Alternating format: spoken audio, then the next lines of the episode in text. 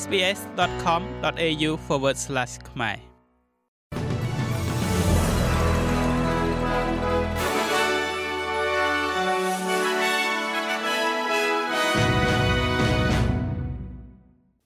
ចាសសូមស្វាគមន៍មកកាន់នេតិព័ត៌មានខ្លីៗរបស់ SBS ខ្មែរសម្រាប់ថ្ងៃច័ន្ទទី24ខែកក្កដាឆ្នាំ2023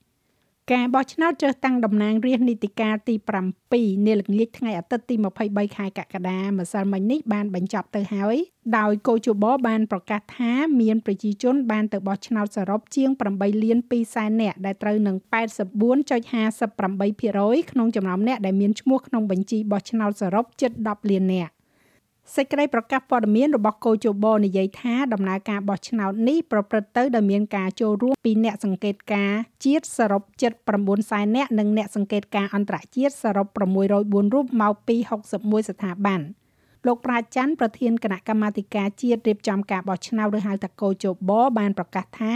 ការបោះឆ្នោតលើកនេះប្រព្រឹត្តទៅដោយជោគជ័យប្រកបដោយសន្តិសុខសុវត្ថិភាពនិងសន្តិភាពសាធារណៈគ្មានអំពើហិង្សាគ្មានការគំរាមកំហែង។ តាមប្រតិទិនកោជបនឹងប្រកាសលទ្ធផលផ្លូវការពីការបែងចែកអាសនៈនិងការកំណត់បេក្ខជនជាប់ឆ្នោតនៅថ្ងៃទី9ខែសីហា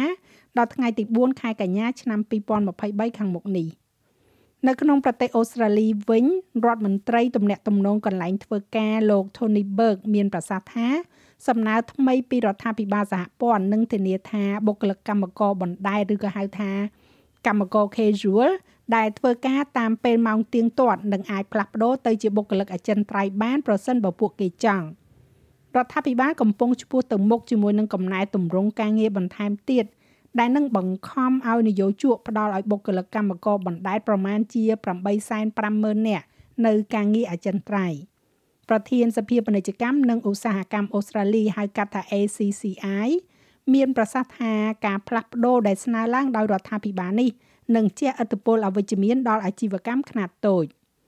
បុគ្គលិកកម្មករមិនចាំបាច់ទទួលយកនៅការផ្ដល់ជូននេះទេ ហើយអាចបន្តនៅជាបុគ្គលិក casual បានដើម្បីអាចបន្តទទួលបាននៅអត្ថប្រយោជន៍ casual loading ជំនួសឲ្យសិទ្ធិឈប់សម្រាកពេលឈឺនិងថ្ងៃឈប់សម្រាកដែលទទួលបាននៅប្រាក់ឈ្នួលពេញលេញ។ យើងក៏លេខមករដ្ឋ Victoria វិញការរំពឹងទុកនៅការផ្លាស់ប្ដូរក្របខ័ណ្ឌគោលនយោបាយលំនៅឋានរបស់រដ្ឋនេះបានប្រជុំឡើងជាមួយនឹងការមិនពេញចិត្តយ៉ាងខ្លាំងពីសំណាក់ឧស្សាហកម្មអចលនទ្រព្យរបស់រដ្ឋ Victoria និងគណៈបកប្រឆាំង លោកអភិបាលរដ្ឋ Daniel Andrews បាននិយាយថាសេចក្តីប្រកាសនឹងធ្វើឡើងក្នុងរយៈពេល2-3ខែទៀតដែលមានបំណងបង្កើនជំរើសលំនៅឋានសម្រាប់ប្រជាជនរដ្ឋ Victoria ដែលជាការផ្លាស់ប្ដូរមួយត្រូវបានស្វាគមន៍ដោយនាយកប្រតិបត្តិនៃសហភាពអ្នកជួលផ្ទះរដ្ឋ Victoria លោកស្រី Jennifer Beveridge ដែលនិយាយថាតម្លៃផ្ទះកំពុងកើនឡើងខ្លាំងប៉ុន្តែមេដឹកនាំគណៈបកប្រឆាំងនៃរដ្ឋនេះ លោក John Pesito បានច្រានចោលការពិភាក្សាអំពីការផ្លាស់ប្ដូរគោលនយោបាយដ៏សំខាន់នេះថាវាជាការប៉ុនប៉ងដោយបំពេញដើម្បីបង្វែរការយកចិត្តទុកដាក់ចេញពីការលុបចោលការប្រកួតកីឡា Commonwealth Games នាយកប្រតិបត្តិនៃវិទ្យាស្ថានអចលនទ្រព្យរដ្ឋ Victoria មានប្រសាសន៍ថារាល់សំណើណាមួយនៅក្នុងការកំណត់ការដំឡើងថ្លៃជួលរៀងរាល់2ឆ្នាំម្ដងនេះអាចជាឥទ្ធិពលផ្ទុយពីអ្វីដែលបានប៉ុនប៉ងទុក ពាក់ព័ន្ធជាមួយនឹងថ្លៃចំណាយនៃការរស់នៅលោក Heranyck Jim Chambers មានប្រសាសន៍ថានឹងមិនមានកញ្ចប់ជំនួយសង្គ្រោះថ្លៃចំណាយលើការរស់នៅថ្មីទេបើទោះជាមានការលើកឡើងថាអតិរេកថវិកានៅពេលនេះនឹងមានចំនួនជាង20,000លានដុល្លារក៏ដោយ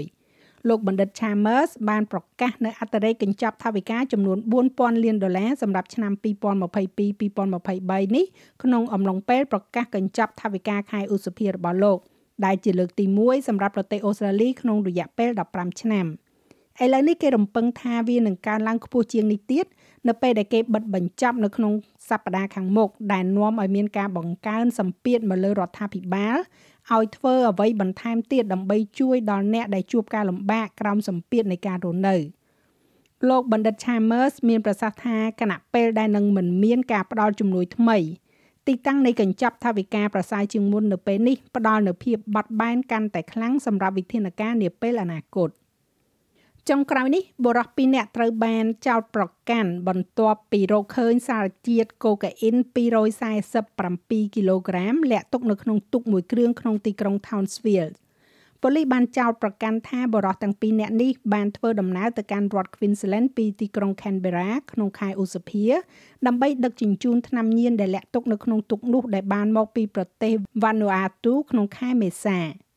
មន្ត្រីកងកម្លាំងព្រំដែនអូស្ត្រាលីបានបញ្ឈប់នាវានោះដើម្បីស៊ើបអង្កេតក្រោយមកបានរកឃើញថ្នាំកូកាអ៊ីនដែលមានតម្លៃប៉ាន់ប្រមាណប្រហែលជា61លានដុល្លារ